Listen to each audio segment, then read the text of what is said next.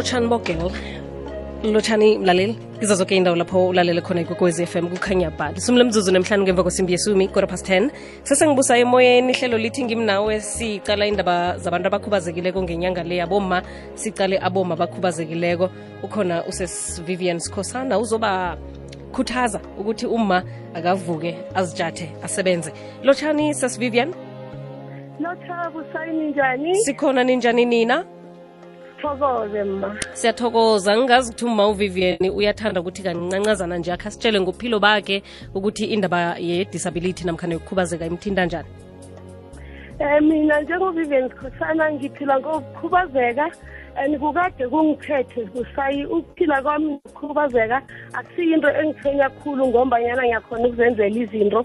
Ngiyakhona ukuvuka ekuseni ngizigezele ngizugeze ngilungise ngiyaziphekela ngenza konke ukukhubazeka kwami akungithenyi kakhulu ngoba ngiyazenzela. Ngingilo ma okhona ukuvuka azenzele ngombanyana uma ungakhona ukuzenzela uyokwenzela ngibani? Nase ukhubazekile bayakudampa bomndeni bakudampa iy'hlobo. Abasenandaba nokuthi unjani? Ngoba phela sowuthwele ebantwini. Eh ngicabanga ukuthi mhlawumbe wena ukhubazeke ngendlela leyo ukuthi ukhona ukuzenzela. Kunomunye mhlawumbe uma kakhoni uhlezi ku-wheelchair eh akusebenzi kwazandla akusebenzi kwanyawo. Uzokuthini kuma othi ufuna ukukhuthazwa angalelo hlobo? Umuntu ongasebenzi izandla ongasebenzi inyawo busayi umlomo na ukhona ukubereka ukukhuluma ngokunye kwemisebenzi okwenza umbereko nako lokho. Angithi uyakhona ukutsho ukuthi okay asikhambeni sokutshala bomma. Uyakhona ukwenza lokhu ukusho ukuthi asilimeni asi- asenzeni amalondri ase- asenzeni ama-bakery umlomo. Ungakwenza ukuthi ube yi-leader and umlomo ungakwenza ukuthi ube yimanager kwezinye izindawo. Umlomo futhi ungakuphi uburodo ubeke etafuleni busayi. Ngiyakuzwa mama. Sumle mzuzu nekhomba ngemva kwesimbi yesumi lomhatsho kothanda kuyikwekwezi FM uma uvivian yena ukhubazeke sinjani? Uma uvivian ukhubazeke amehlo and kanti futhi unesifo se-epilepsy. Alright amehlo avela njalo namkhana alimele ekukhuleni ngine-eleven years ngingaboni emehlweni ngine-challenge ye-glaucoma ngamehlo. Kanti futhi eh, loku lokuthi bese ngiyawa angazi ukuthi kona kuvela kuphi. Ngathi ngastressa kakhulu ukwazi ukuzazi ukuthi nginesifo se-glaucoma ngathi ngiyastressa sengiyahlangabezana nalaba se-epilepsy-ke sebangisiza-ke okay wa- motivate wakumukela kabuhlungwana indaba yokuthi awungekhe usabona.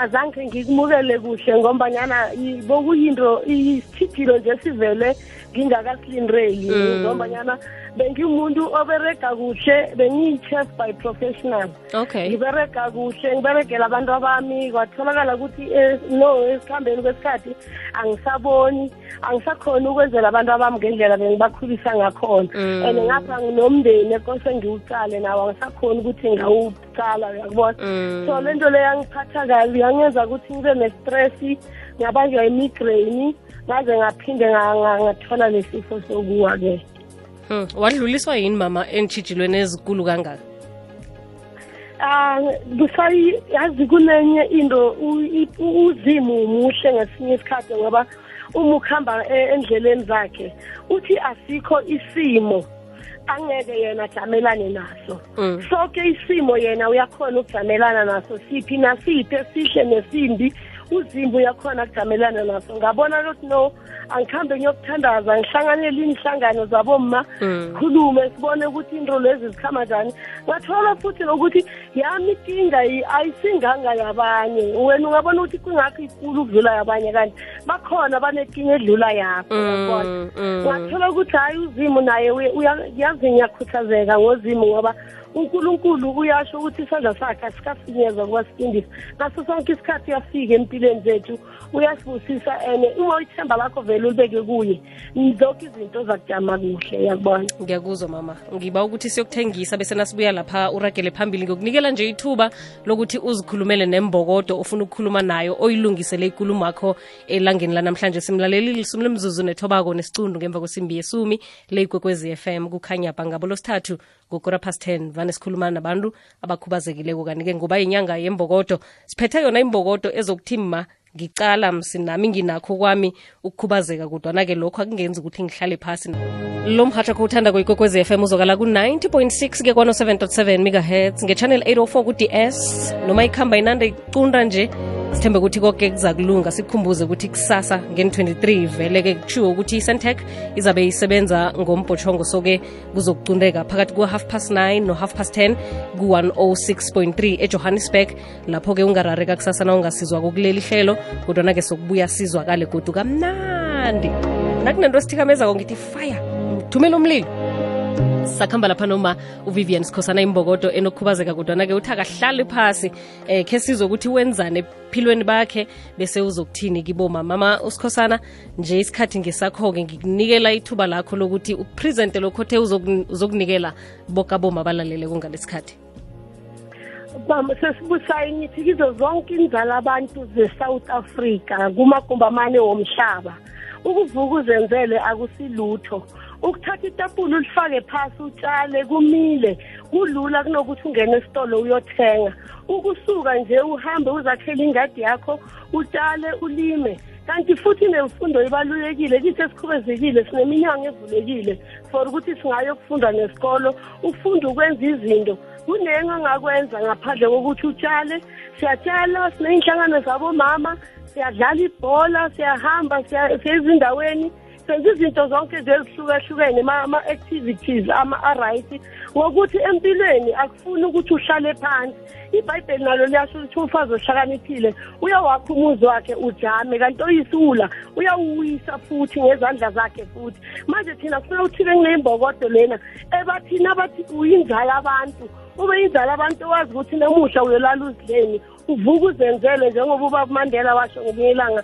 Wathi na ubufazi ungalali ungazi ukuthi kusasa uyovuka wenzeni. Ukuthi uvuka usebenze uvuka uzithathe ngoba vele uma ungakasebenzi uyolalanda uyolala udleni iyasho nengoma yakwaito ithi uzoyithola kanjani uhlezi ekhoneni. Vukani bomani bonakala nisebenze ngoba uma ungakasebenza yikho into ongayenza uyothola njani? Kubuhlungu kakhulu ukuthenga i-green beans ukwazi ukuthi na ulitshala limila lula. Ulithenge esitolo ukhona kulitshala usuke futhi othenga ibhidrude ukwazi ukulitshala phansi. Kulula kakhulu inhlayenyela ikaduri five rand izokukhiphela amasaka namasaka. Ingako ngithi kubomaba namhlanje kakhulukazi lana e-south africa sithi vuka uzenzele ngoba kekho ozakwenzela. Kanti futhi ungalali uthi hayi ngoba ngikhubazekile ku-wheelchair angiboni emehlweni ngihamba ngesix ngiphethe ama-crashers angikhona ukwenza nese na umuntu uvuka uzenzele ngoba ukhona ukuthi uma umuntu uzawuthola konke okufunako ungahlali phasi kanti futhi okunye ngicela ukukukhuthaza kakhulu kwabakhubazekile asiyekeleni ukuzikhiyela ezindlini uzivalele uthi ngoba sengikhubazekile sekuphelile ngami akukapheli. Nothing is end. Ngaphandle kokuthi unkulunkulu asho ukuthi sekuphelile. Konke kulungile uzitshele nje ukuthi mina ngikhubezekile kodwa nami ngimuntu ngiphila nabantu nami. Kuyezwakala kamnandi nguma uvivian sikhosana ovela lapha ku-epilepsy south africa uyi-chief community developer. Manje sike mama usikhosana nasele siyivala aboma abakhubazekile kobatshinge phi igadango labo lokuthoma ukwenzela ukuthi nabo bakwazi ukuthi bazenzele njenganje? Okokuthoma kufuna ukuthi bahlangane benze inhlangano kuqala babhilde iforamu. Bangaba yi-four five iyakheka inhlangano. I-five yabantu iyabazala abantu abayishumi. Bangaba yi-four five bayayenza benza iforamu. Nabaqeda ukwenza iforamu bayathoma bayahlangana bayakhuluma. Hayi mani thina sifuna ukuthi ngcono senze ilonqi bayahamba bayabawa bayakokoda eminyango ehlukahlukene bacela imishini babathengela benza le laundry bayabiza abantu khona abantu abavilaphayo busayi abangakwazi nokuhlamba ivasi futhi. Uyabahlambela uyathatha uyabanekela ayina.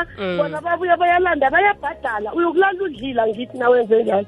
Abanye abantu abakhoni noku ukapa inkuni uyabahamba uyehlathini nokapa izinkuni niyazenza amabhoneli nijama lapha emahugwini niyathengisa.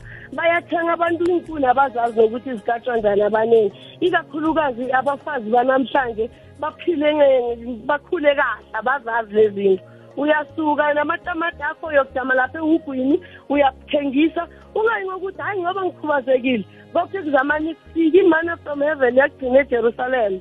Ayisekho e-south africa. Mm, kuzwakele mama inomboro lapho banganithola khona-ke mhlambe enihlanganweni kwenzela ukuthi eh nibasize ukutshinga phambili ngoba thina isikhathi sisiphelele.